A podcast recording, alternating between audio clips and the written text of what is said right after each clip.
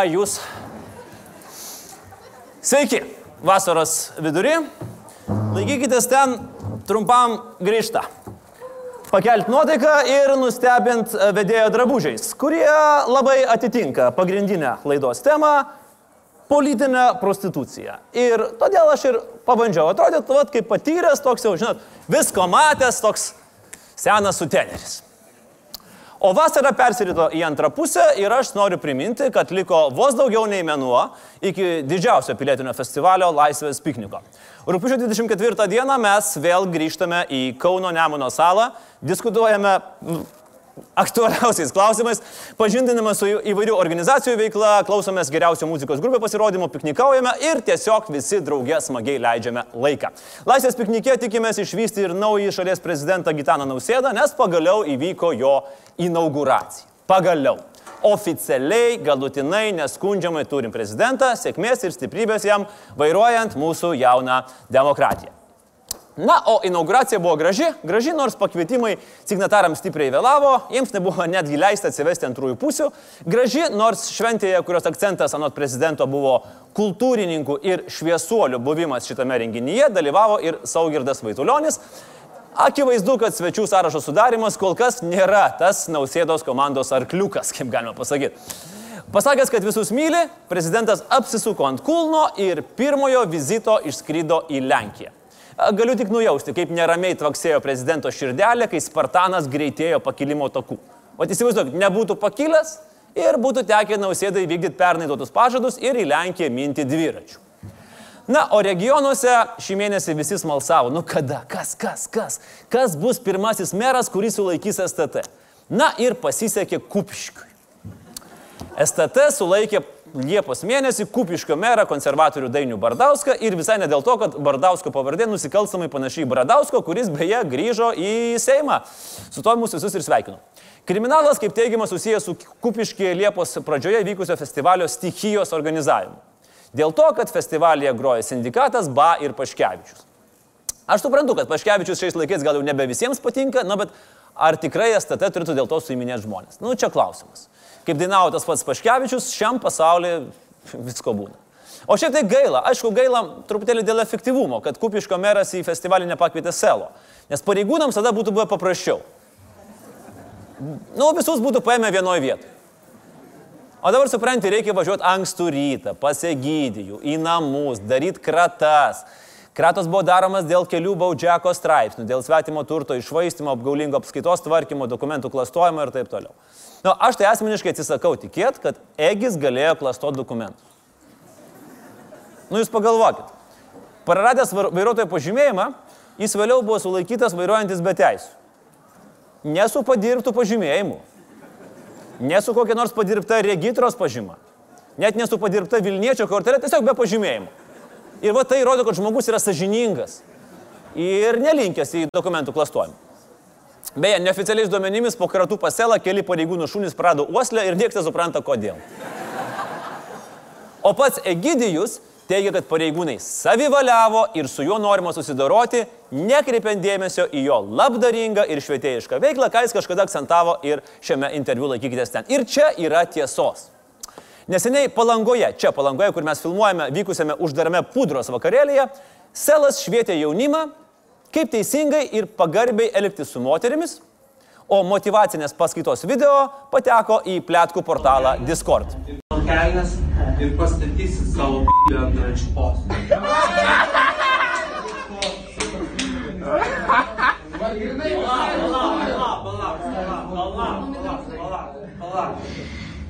Jeigu jūs esat kieti ir norit pažiūrėti žmogas bobus, bobus nusirengt. Bet prieš tai jūs turit nusirengt savo kelnes, va taip. Išsitrauk savo b***į ir padrožį. Na, vat principė toks Paulo Coelho ir Martino Liuterio Kingo miksas. Nu, I have a dream ir būk savo laimės kalvis, išsitrauk ir daryk, ką nori. Tai tiek apie Selą.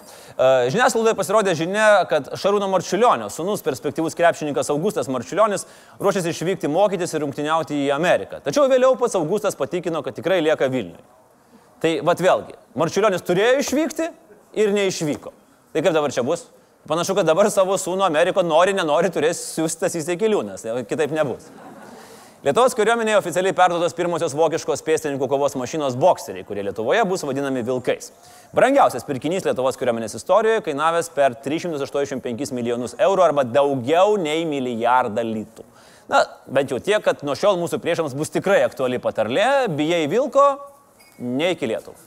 Visiškai nesusijusi Nata informuoja, kad Rusija vėl neišdavė vizų misiją Sibirės ekspedicijai. Bet kažkoks keistas kognityvinis disonansas turėtų būti Rusijos valdžia, valdžiažmogiams, realiai trukdyti lietuviams vykti į Sibirą. Nu čia kaip bitės, kurias prieštarauja prieš metų. Labai keista. Ir šiaip, nu aš nesuprantu, kas netaip yra šio laikiniam jaunimėliui ir sovietiniams įkalinimo įstaigoms. Va dabar į ką tik uždarytą lūkesčių kalėjimą ekskursijos išluojamos per 15 minučių. Kas toliau? Airbnb, KGB muziejui, būk pakirtytas elektra bus žiauriai fan. Nu nieko, nieko, pakentėkit, gal po kokių 30 metų vėl visi galėsite aplankyti Sibirą. Į vieną pusę. O mūsų mėgstamiausias politikas Rimantas Jonas Dagys ką tik sustabdė savo narystę konservatorių partijoje ir informavo, kad kaip dabar įprasta, kurs naują partiją. Nu, vat labai geras dalykas. Ko ko, o Lietuvai labai trūko dar vienos naujos partijos, kaip sakė Sotsbebrus kurdamas Kirkilas, tikra dovana Lietuvai. Nu, mes nenorim likti nuo šaly, mes jau padėjom ten Laisvės partijai su klipais, tai čia gal su klipo nedarysim, bet bent jau galim padėti pagalvoti naują pavadinimą - Dagio partija. Ir aš galvoju, kad nereikia persistengti. Imam pirmas dvi vardo ir pavardės raidės ir turim pavadinimą. Pavyzdžiui, Rimantas Dagys, ne? Tai būtų Rida. Ir turint omeny, kad kurdamas krikščionišką partiją Dagys šiek tiek žvalgosi į praeitį, tai panašu, kad nu, Rida bus atsukta šitai partijai. Bet jis dar turi antrą vardą. Tai jeigu jisai sakytų, nes yra Rimantas Jonas. Tai jeigu būtų Jonas, tada būtų partija Joda. Ir labai gerai suėtų. Ir Star Warsų, ir Černobilio žiūrovams, nes kalba būtų apie Jodą, tai beveik visai Lietuvai tiktų. Kitas variantas, jeigu jisai atsisakytų pavardės ir darytų su dviem uh, vardais tik tai partija, tada būtų partija Rio. Ir vatarčiausiai tiesos irgi būtų. Negys, kurdamas naują partiją, ėmė ir surijo visus savo turėtus reitingus ir įtaką. Na, nu, o jeigu naudos tik tai pavardę, tai akivaizdu, jog bus Lietuvos pikžolių partija ir puikus iš karto pasiūlymas. O dabar pakalbėkim pagrindinę šios vasaros tema, dėl ko aš čia ir su kailinaičiais visas puikus sėdžiu. Vasara yra metas atsipalaiduoti, bet atsipalaiduojant nesaugiai, ypač politikams, pradeda plisti politiškai plintančios lygos, kai kuriems taip užsigonorėja valdžios, kad net įkyriai pradeda nieštėti. Pasakysiu atvirai, Tokio politinėmis prostitutėmis perpildyto bordelio Lietuva jau seniai nematė. Bet man teisininkai rekomendavo taip nesakyti, tai aš ir nesakau. Bet tema vis tiek - politinių prostitučių sezonas. Jums gal ir nepatiks, kad šiandien lyginsim politiką ir prostituciją. Aš suprantu. Vis tiek yra skirtumų. Prostitucijoje dažniausiai viskas yra aiškiau ir skaidriau. Bet vis dėlto politinės prostitucijos savoka yra vartojama nuo senų laikų, kai politikas prasiduoda už postą ar privilegijas, elgiamasi taip, kaip jam liepiama, nesilaiko savo pažadų, yra nenuseklus, nepatikimas, nemato problemos migruoti tarp partijų ir frakcijų ir kažkur mums tai jau yra girdėta. Na, pavyzdžiui, citata. Visi iki vieno Lietuvos valstiečių ir žaliųjų sąjungos nariai laikosi prieš rinkimus duotų pažadų, kryptingai dirba Lietuvai ir turi tvirtą politinį stuburą. Nėra pasakęs niekas niekada. Politinės prostitucijos savoką sugalvojom ne mes. Kaip ir visi blogiausi dalykai bei įžeidimai, tai išpopuliarėjo rytuose. Pasak tautosakos, Leninui taip įžeidus Levą Trotskį. Trotskis iš pradžių užpyko, o vėliau jam šitas terminas visai patiko ir pasiskolinęs iš Ilyčiaus su mielu noru taikė kitiems. Trotskis beje šioje nuotraukoje užfiksuotas, supratęs, kad santykiai su Leninu geruoju greičiausiai nesibaigs ir gaus kirtikliu per galvą. Ta pati Rusija politinėmis prostitutėmis mielai vadina ir Baltijos šalis kurios atsiduoda dėdėjai Semui, nes klientų iš Rusijos baigėsi pinigai. Čia buvo beje vieno iš Rusijos politikų citata. Ir tikrai, turbūt jau geriau būti laisva prostitutė, nei požemio sekso vergu po geležinę uždangą. Terminą naudoja ir amerikiečiai. Huffington Post politinę prostitutę pavadino Donaldą Trumpą, kuris parsidavinėja vardan reitingų ir šlovės. Tiesa, dar prieš prezidento rinkimus, nes dabar tai jau nebe politinė prostitucija, o Amerikos politikos realybė. Už partijų ir frakcijų keitimą kandžių replikų yra susilaukę netgi tokie politikai kaip Vinsonas Čerčilis. Pradžiai buvęs konservatorium, tada liberalų, tada vėl konservatorium. Senato dauguma Amerikoje nekarta keitėsi, kai respublikonai perbėgo pas demokratus ir atvirkščiai. Taigi tradicijos yra puikios ir demokratinėse valstybėse. O štai Šiaurės Koreja neseniai pavadino Amerikos ambasadorę Junktinėse tautose politinę prostitutę, kuri tiesiog švaistosi savo sijoną. Nes Šiaurės Korejoje, kaip žinia, visą tai yra uždrausta, įskaitant sijonus. Čia kaip viduramžiais. Pasidažiusios moteris buvo raganus, Šiaurės Korejoje visos moteris su sijonais yra prostitutės. Barbadose tokia yra didinga valstybė, galimai yra tiek daug politinių prostitučių, kad pernai balandį čia buvo įkurta politinių prostitučių partija. Jos vadovų tapo buvęs suteneris nuostabių vardų Charles Spice, o šūkis buvo Swap Erections for Elections. Taip kad iš barbadosiečių įkvėpimo galėtų pasisemti ir Rimantas Dagys, kurdamas naujos partijos šūkį. Nu, pavyzdžiui, pakelsime Lietuvą. Rimantas Dagys tvirtas lyg beržas. Tik primenu, kad Lietuvos socialdemokratų darbo partija buvo irgi įkurta pernai kovą, tai gali būti, kad Barbadoso politinės prostitutės nusižiūrėjo mintį nuo Lietuvos senųjų socbebų. Skirtumas tik toks, kad barbadosiečiai neleido į savo politinių prostitučių partiją stot buvusiems parlamento nariams, nes nutipo nu jau kiek galima. O vat sosdarbiečiai priminėjo visus, kad prileistų naujus žmonės prie lovio, ir priėmė netgi ir politikos veteranus, kad šie partijos nariams pasakotų apie Seimą, nes patys supranta, kad ten jau turbūt niekada nebet pateks ir jo nepamatys. Dažniausiai politinės prostitutės etiketė lipdoma politikams, kurie iš partijos į partiją šoliuoja smagiau nei tūkstantis kengūrų jaunikliai ar iš zoologijos sodo ištrūkusi zebrų banda. Tarp kitko, na, mes turim labai retą vaizdo klipą, kaip Seimo narys Valerijus Simulikas šokinėja iš partijos į partiją baby, baby, like. Pagal šį kriterijų Lietuvoje politinių prostitučių nestinga. Numerio uno būtų toks šiaulių politikas Stasys Grigaliūnas, kuris pradėjo karjerą TSKP, tada Lietuvos komunistų partijoje, tada Ūkio partijoje, tada Naujojo sąjungoje, tada pabuvo nusaikusis konservatorius, Sotsdemas, Naujosios demokratijos narys, tada Arė darbo partija ir galiausiai tapo valstiečių liaudiniu. Devynios partijos.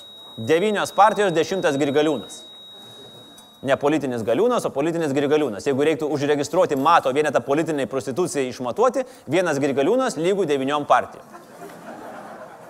Dar yra legendinis politikas Vidmantas Žemelis. Tai komunistų partija, sąjūdis, Tevinės sąjunga, Tevinės liaudės partija, Lietuvos dešiniųjų sąjunga, tada vėl Tevinės sąjunga, nes, nu, tipo, come on. Po to krikščionių partija ir galiausiai darbo partija. Septynios. Kitaip tariant, Žemelis yra beveik 0,7 grigaliūnų. Dar toks buvo buvęs finansų ministras Jonas Lionginas. Tevinė sąjunga, liberalai, liberalai demokratai, darbiečiai, pilietininkai, socdemai. Tvarkingai kas dviejus metus po partiją apeitos visos, o dabar vėl su paksu siuka ramūnė. Henrikas Žukauskas, irgi buvęs ministras, partijas keitė greičiau negu guoga nuomonė. Buvo konservatorius, liberalas, išrinktas su paksistas į Seimą, negavo kažkokio posto, perbėgo į darbo frakcijos partiją, vėl kažko negavo, tada į mišrę frakciją, tada į pilietinės demokratijos partiją, tada į frakciją, finišavo liberalų ir centro sąjungoje, o dabar vėl suka ramūnė su paksu. Teisininkai nerekomendavo sakyti, kad visos politinės šiukšlės nusėda pas paksą, tai ir nesakysiu. Šios kadencijos šokinėjimo per frakcijas be kliučių rekordininkė Dovilė Šakalienė. Buvo išrinkta kaip valstiečių kandidatė, tada prasuko pro liberalus ir nusėdo pas sosdemus. Nu, Seime problemos su nuosėdomis. Jeigu žinot gerą santechniką, galite skambinti Seimo kanceliarijai. Gerą, bet pigų. Nes Seimas nusprendė neskūsti man palankaus teismo sprendimo, tad etikos komisija turės svarstyti mano skundą dėl politikos skvernelio elgesio, o Seimas sumokėti man 836 eurus. Tai su reprezentacinėm išlaidom ir gėlėms Seimo nariams bus rudenį šiek tiek liūdniau. Kartais politinė prostitucija pasireiškia nepakeistų partijų kiekiu, bet kaip dramatiškai tai buvo padaryta. Pavyzdžiui, Širvintų merė Živilė Pinskuvenė prieš šešerius metus savo kišininėme laikraštyje ryštingai teigia, kad vieną kartą reikia baigti su politiniais turistais, nes kitaip nei politinėmis prostitutėmis jų nepavadinsi. Ir supranti, bekovodama su politinėmis prostitutėmis, Živiliuka pati buvo įtraukta matyti į tą liūną, nes iš darbo partijos perbėgo į socialdemokratų darbo partiją, bet savivaldos rinkimuose dalyvavo su asmeniniu komitetu, nes pačiai buvo čiutački gėda. Tai mes džiaugiamės už Živilę, kad nustojo paleistuvauti su visokiam partijom ir pagaliau pradėjo dirbti pagal individualią veiklos pažymą. Bet vis dėlto, o vis dėlto, o vis dėlto, kaip sako mėgstamiausias lietuviškų moderniųjų pasiekiečių herojus. Bet čia negalima lyginti praeitų metų pirmų ketvirčių turimų skaičių su 16 metų pirmų ketvirčių. Bet jeigu mes palyginsim kaip kaina keitėsi vieno euro apyvartos. Beje, gal ir visai mes dabar pasilgstam tų laikų, kai blogiausia buvo, negalim lyginti, bet palyginkim, šaudė tu šaudė, lieva tu, baigit nemanau. Gal senstam, ką žinau. Tai va, tai negalima lyginti, bet palyginus su aktualijom, mano anksčiau paminėti atvejai yra pavieniai žiedeliai. Kaip sakoma, smulki politinė prostitucija dirbant su individualios veiklos pažyma. Nes laisvo elgesio politikai patys nuspręsdavo, kam ir už kiek duot. Balsą. O šią vasarą, mėly draugai, pas mus atsidarė profesionalus politinis bordelis. Su vitriniais langais, su teneriais, neoninėmis reklamomis ir pilna sale politinių prostitučių. Oh man, oh man, what a time to be alive. Ko reikia geram bordeliui? Tvirto pastato, daug lengvo elgesio mergaičių ir berniukų, geros nuotaikos ir kokį nors fejerverko atidarimą. Politinio bordelio pastato pamatus tvirtai išlėjo du jauni politikai, kurie 16 metais atplaukė mūsų gelbėti, o dabar jaučiasi kaip trys valties su kirkilu, neskaitant pranskiečių. Ramūnas ir Saulis. Žodžio žmonės. Žadėję trauktis iš valdžios ir niekada nemeluojantis. Aš savo poziciją išsakiau, kol kas jos nekeičiu. Manau, kad turėčiau trauktis. Prezidento rinkimai yra mano pralaimėjimas, nieko aš dėl to nekaltinu, tai yra mano sprendimai, mano vertinimas, mano veiksmai, kurie lėmė tokį rezultatą. Aišku, būtų gerai, kad tai būtų lėmė be kabutėse išorinės pagalbos, bet na, buvo kaip buvo. O tas sprendimas jisai tikrai yra emocinis, galbūt nereikėjo iš karto sakyti, ypatingai rinkimų naktį, bet aš tuo metu taip jaučiausi, ilgai jaučiausi. Va, mes dabar turim naują melavimo e, apibrėžimą. Tai buvo emocinis e, sprendimas, jaučiausi kaip jaučiausi, va ir melavau. Tai va žinokit, jeigu kas pagaus, sakyt, čia buvo emocinis sprendimas, manau. Tai apimti šitie vyručiai emocijų ne tik nepasitraukė, bet ir pas, pastato užkabino didelę bordelio iškabą, o į vidų, į naują koaliciją pasikvietė visus, ale visus, visus, su kuriais žadėjo net į bendrą Seimo tualetą neiti. Ar yra apie, abiejų klausimų Seime politinių jėgų, su kuriomis jūs jokių būdų neįtumėte koaliciją, kurias jūs laikat paraštinėmis? Taip, yra, mes įvardinom jau labai senai, tai yra darbo, Išgirstum partija, dar, darbo, darbo partija ir tvarkos teisingumo partija, tai yra dvi organizacijos, kurio, su kurių skaidrumu, reiškia, subijota yra ir netgi teisminės bylos, jau įvykę teismai, kitas, kit, kita partija, tvarka teisingumas, yra iškeltos bylos kaip partijai, kaip organizacijai. Nu tai vad vyručiai į naują koaliciją pasimė ir teisiamus tvarkiečius, ir koloradinius Voldemortus, ir penktą dieną Saulėje pastovėjusios lietuviškos mišrainės kvapas kleidžiančius kirkilos atsbebrus su didingu pusantro procento visuomenės palaikymu.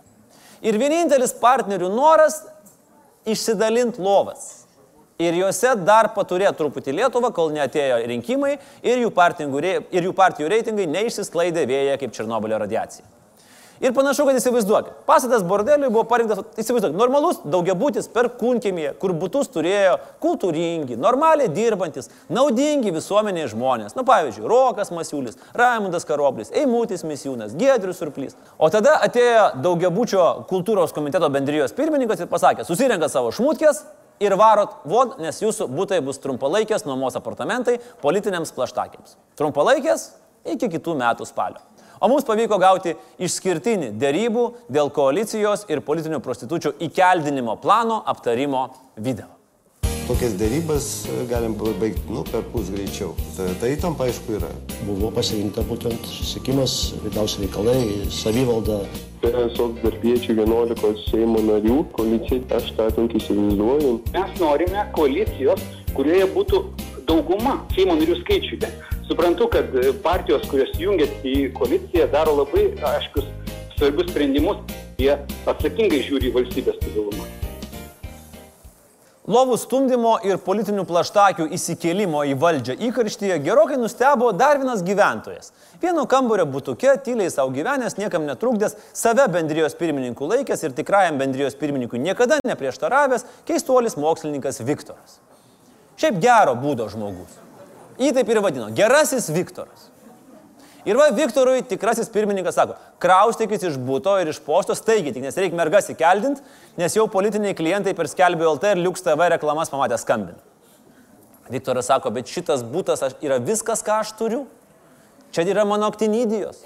Čia yra mano prisiminimai. Greitai tik, sako bordelio įkurėjas. Nu tai Viktoras užsirakino ir nieko neleidžia. Tai kaip suprantu, kažkada lauž duris. Ir kaip sakiau, geram bordelio atidarimui reikia fejerverkų.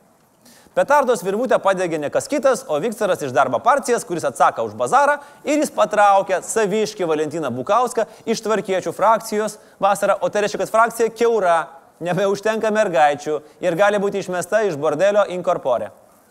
Ir tada politinio bordelio architektai susimastė. Jei nemyli niekas, o tu taip visus myli. Bet ką daryti? Ką daryti? Ir tada, o tada, o va tada, pro duris įžengė vakaro žvaigždė, lietuviškoji Julia Roberts, Seimo Marija Magdalena, politikos bordelio madam. Pasaulis beje stebisi Slovenijos menininkais, kurie išdrožė Melaniją Trump. Taip gan baisiai. O Lietuvos auksarankiai drožėjai mūsų laidą išdrožė pagrindinę Lietuvos kino centro filmo Creepy Woman heroję Agnę Širinskenę.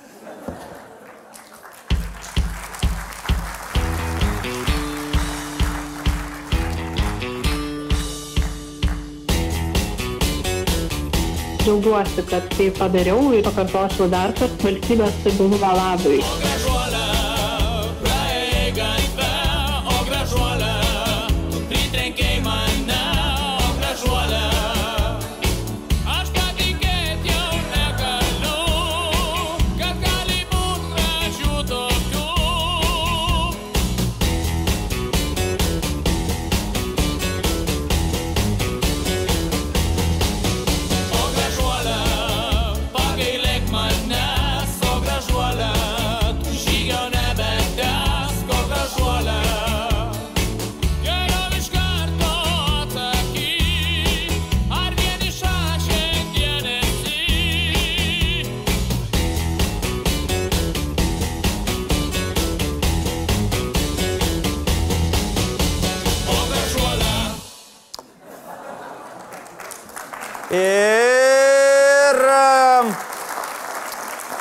Gelbėtoja Agnė pasitarė su šeima ir leido save skolinti tvarkiečių frakcijai, kad čia išliktų ir politinėme bordelėje turėtų geras lovas. Nors, kaip pati sakė, fiziškai liko valstiečių frakcijoje. Aukščiau aukščiau ir tiesiai po Viktorų, kuris yra vis dar užsirakinęs duris. Širinskinė gula į politinę lovą su žemaitaičiu. Tuo pačiu, kuris prieš porą metų užstukalino ją besinaudojančią Karbauskio ir Verygos kortelėmis ir siekė inicijuoti apkaltą. Tuo pačiu, kurį Širinskinė kaltino supainius interesus. Ir šiuos kaltinimus Džemaitaitis tada palygino su seksualiniu priekabiavimu. Nu, toks lokalus Seimo mytių vyko, bet panašu, kad ne toks piktas mytių, o toks e, romantiškai valiukiškas, toks, o, mytių. Ir dar Žemaitaitis pridūrė, kad valstiečiai yra tikri gandragalviai O vėliau jau aiškino, kad politikoje visko galima prikalbėti. Nu, toks emocinis prikalbėjimas. Melavau. Aš tik dabar galiu įsivaizduoti Agnę Remigijų atliekančius iniciacijos į frakciją aktą. Kas aš tokia? Gandragalvė. Garsiau, gandragalvė. Kartok man tai. Bet čia buvo gūdus 2017. Tai per porą metų viskas pasikeitė tiek, kad tvarkiečiai gavo lizinginę Širinskinę ir dabar pagrindinis klausimas, ar pasibaigus nuomos terminui jie galės ją išsipirkti už likutinę vertę.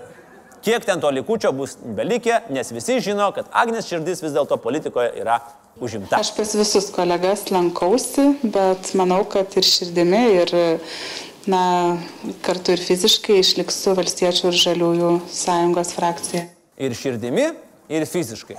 Ir vat, tu žiūri į vat, šitą bardaką ir nu negali neprisiminti, jog vat, tokį politinį gandriukų kelią jau seniai buvo išpranašavęs vienas išmintingas vairuotojas.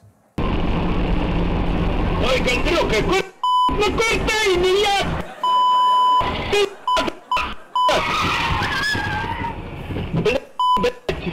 Oi!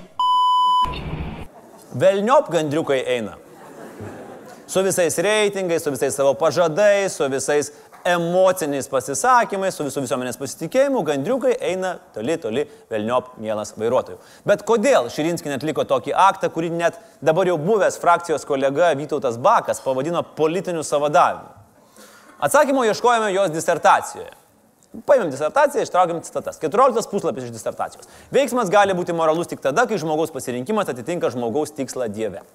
At greičiausiai Agne kalba apie taurių gėrimų degustavimo ir erotinių pasismaginimų dievą Bachą. Buvo toks pas romėnus.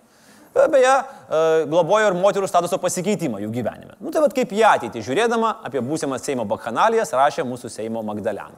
Beje, valstiečiai irgi turėjo savo dievą Bachą, bet jau dabar nebeturi, nes išėjo iš frakcijos. Tai varo tuščių bakų. 29 puslapis iš disertacijos. Smertinas ne žmogus, bet jo elgesys, kurio pasieka bus infekcinė jėga. Na, vat, kol kiti neužsikrečia, tol žmogus nesmerktinas. Todėl jeigu sučiupus vieną pedofilą rajone daugiau jų neatsiranda, aną galima paleisti. Žiūrėsim, ar nepasigaus per metelius Agne tvarkos ir teisingumo. Na ir pabaigai uoga 15 Širinskinės disertacijos puslapis. Jei vieną kartą žmogus apsisprendžia palikti savo frakciją dėl kitos, jis visų pirma tampa neištikimas savo širdyje dar iki tol, kol padaro išorinį veiksmą ir tik tada matydami išorinį veiksmą galime jį pavadinti svetimautoju. Ir jis lieka svetimautoju, galinčiu svetimauti, kol nesusprendžias priešingai, kol neprasideda nuoširdžiai gailėtis svetimavęs ir atgailauti. Ir pasitaisyti ištikimų tapti savo frakcijai. Na, ne visai tikliai citata, bet panašiai. Disertacijoje buvo minima žmona. Na, o tiems, kas galvojate, kad Širinskinė politinės prostitucijos kartelę pakėlė į kitiems neįveikiamą aukštį, aš tik noriu priminti, kad rudenį į politiką ateina Rūta Janutinė. Ar pastebėjote, kad aš nieko nekalbėjau apie dar vieną politinio bordelio architektą, kaip jį pavadino MG Baltikų vadai, Feldmaršalą Kirkilą? Žinokit, Gediminas yra mūsų politikos Little Fingeris. Jis net ir panašus šiek tiek yra į Little Fingerį. Beje, kas žiūrėjot, tas žinot, kas vadovavo Kings Landingo bordeliams. Feldmaršalas yra tiesiog nepaskandinamas ir auksinės kantrybės žmogus. Vėl nežino, kuris juos išmoko, gal komunistų centro komitete instruktorium dirbdamas, gal kai buvo bažnyčių restauratorium. Rimtai, kas nežinojo, Kirkilas šešerius metus auksino altorius. O ten žinia kantrybės reikia, neišeina va taip teplep. Plus jisai rūko pipkę, su ją irgi nepaskubėsi, pipkė turi savo ritmą, čia jums neveipinimas. Gediminas niekada neskubėdavo politikų. Jis praleisdavo kitus į priekį ir kai kėglį išmuždavo į rampos šviesą išstatytus premjerus ir pirmininkus, jis likdavo kaip niekur niekur ir tada, ai, nu tai čia aš pro šalį jau paprašė, nu tai patariau padėjau. Seime jis nuo 92 metų be pertraukų. Kad padėčiau įsivaizduoti, tais metais Lietuvos futbolo rinktinė žaidė lygiom su Danais. Visaginas buvo vadinamas Sniečkum ir dar neturėjom lito. Lito neturėjom, Kirkilas Seime jau turėjom. Ir feldmaršalas sukosi, vylino, dylino, sudarinėjo, laužė koalicijas, buvo premjerų, sakė, kad krizės nebus, už pavadžio vedė į Lietuvą LEOLT ir netgi buvo sugebėjęs gauti konservatorių paramą savo mažumos vyriausybei. Nu, tai sutikite, yra sunkiau nei giminės baliui įtikinti gerai įpiešusi dėdę, kuris paskutinius metus žiūrėjo tik Gluchariovą ir nuogą tiesą per Lietuvos ryto televiziją, kad prie Ruso nebuvo geriau. Beje, to dėdės dar laukia šokas, nes vietoje Peterburgoje banditų ir Janutinės tiesos Elito televizija pradėjo rodyti laikykitės ten, Jekilaičio dekonstrukcijas ir Miliutės tyrimus. Tai nu tikrai, dėdai prie Ruso buvo geriau. Gyvenime Feldmaršalas Kirkilas yra užskubėjęs tik du kartus. Vieną kartą Seime nesulaukė, kol baigsis darbo diena. Nu, būna. Nu, kam nepasitaiko. Tada konservatoriai rėkė, kad Kirkilas girtas, o Pranskietis, gerasis Viktoras, užtojo feldmaršarą ir neįleido policijos su alkotesteriu į Seimą. Ir dabar, kai Kirkilas laužė Viktoro būto duris ir nori išmesti iš posto, jis turbūt labai gailisi, kad nedavė jam pūsti. O antras kartas, kai susipyko su Palucku ir išsivedė savo Hebrą, įkūrė Sosbebrų rezervatą, bet pamatė, kad rezervatas pasytas ant dar senesnių bebrų kapinių ir jame vaidenasi baisiau nei X failuose. Ir kai reitingai nuseko žemiau ekologinio debito, Feldmaršalas nusprendė atlikti gulbės giesmę. Kai tu esi politikoje ilgiau negu aerosmitai muzikoje, imi supras, kad vertybės jos ateina ir praeina, o postai lieka. Tad bent metus, nu bent metus dar feldmaršalas nori prisiliesti prie valdžios. O paskui jau galima ir į biržus, į karstinius kirkilų ežerėlius. Bet grįžkime prie politinės prostitucijos. Gal politikams mes iš tikrųjų taikom per aukštus standartus? Juk profesionalios plaštakės neretai yra oresnės ir labiau gerbiančios savo profesiją. Politikus reguliuoja tik demokratinių rinkimų dėsniai - prostitucija rinkos ekonomika. Ir kyla klausimas, kuris geriau atskiria pelus nuo grūdų. Jūs užtukit, pavyzdžiui, skelbiu LT laimingo masažo skelbimus, pamatysit, kad ten viskas yra skaidru. Surašytos kainos ir netgi darbo laikai, iki kiek yra teikiamos paslaugos. O pamenat, kaip sunku priversti Seimo narį išsėdėti iki posėdžio pabaigos? Tai beveik neįmanoma. Kiek vad žlugo svarbių balsavimų, nes jie neišlaukė darbo pabaigos. O tai jeigu Svieta iš Ukrainos būtų Seime, tai tikrai darbo laiko kruopščiai laikytus. Arba pavyzdžiui, va toks žaidimas. Parsidavinėja už pinigus, nesirūpina savo vaikais ir turi problemų su teisės sauga. Kas? Ar negali žmogus žinot? Ar sodų gatvės maša, ar Seimo gražulis? Aišku, negalima taip apibendrinti. Tikrai yra politikų, kurie yra integralumo ir partinės savigarbos pavyzdys. Ir visose pusėse. Andrius Kubilius, Vitenis Andriukaitis. Aš sunkiai įsivaizduoju Gintautą Palutską šuliuojantį pas darbiečius arba Rasą Juknevičinį pas tvarkiečius. Pas tuos pačius valstiečius yra idėjinių žmonių, kurie dabar turbūt žiūri į savo rankas kurios taip pat deda plytas tam politiniam bordeliui ir bando savai tikinti, kad nepritariu. Ne. Čia panašiai kaip ežiukas, kuris sėdėjo ant kranto ir kartojo, kad neįkris, o kai įkrito, tai tikinėjo save, kad čia ne jis kesta. Bet yra kaip yra. Tokios situacijos su viešais prasidavinėjimais, trumpalaikė moterų politikių nuoma, apsimelavimų kiausų, emociniais pažadais mes neturėjom per visus beveik 30 nepriklausomybės metų. Politinis bordelis yra pastatytas ir jame susirinkusios politinės prostitutės primena senos senos. Oi, kokios senos. Oi, oi, oi, kokios senos. Dar Benski šou laikai sukurtos dainos Teviškėlė herojus.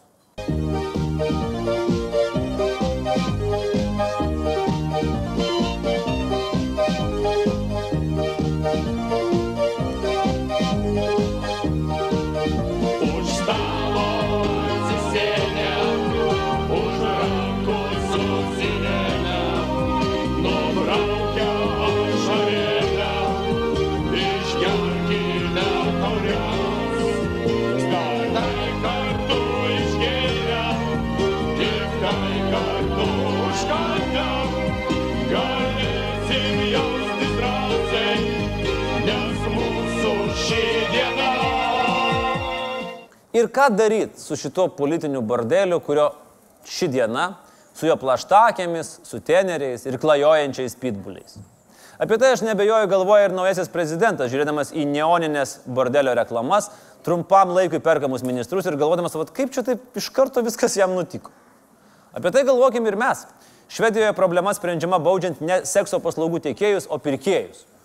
Ir jeigu kalbama apie politinį seksą, tai tada turėtume būti baudžiami mes nu, kurie patingėjo matyti balsuoti, kurie nesidomim politikų, kurie galvoja, kad ai, tegu ten krušas. Nu, netink.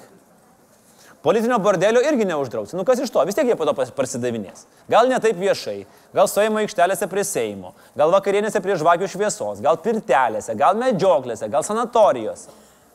Galbūt keisti juos politinio sekso robotais. Nu irgi ne kažką. Su prietaisais jau turėjom reikalų ir dar keičiančiais nuomonę. Nu, bet bent jau nesakančiais, kad laimėjo viską. Variantas turbūt vienas. Dabar sukandus dantis tiesiog atidžiai stebėti politinių sutenerių siautėjimą, dirbti savo darbus ir kartoti, kad valstybė eina į priekį, nepaisant bordelio architektų įgeidžių. O po metų, kai gražų spalį, po kojomis šiukšdės nukritę lapai, o virš galvų kryks išskrendis paukščiai, ateit prie balsavimo urnų, pakvies savo draugus, bičiulius, kaimynus, dėdę ir netgi tą bičią, su kurio penkiom minutėm susipažinai penktadienio naktį klube ir tada pasakyti negražų, nu labai labai negražų, bet labai teisingą politinį posakį. Balius baigtas, kurvas namo. Tai tiek šioje vasariškoje laikykitės ten. Žiūrėkite mūsų YouTube, žiūrėkite apie Ryto Baltikų mirinį televizijas ir būtinai, būtiniausiai pasimatykime rūpiučio 24 Laisvės piknike. Bet būtinai, būtinai, tikrai, būtinai. Ačiū. Iki.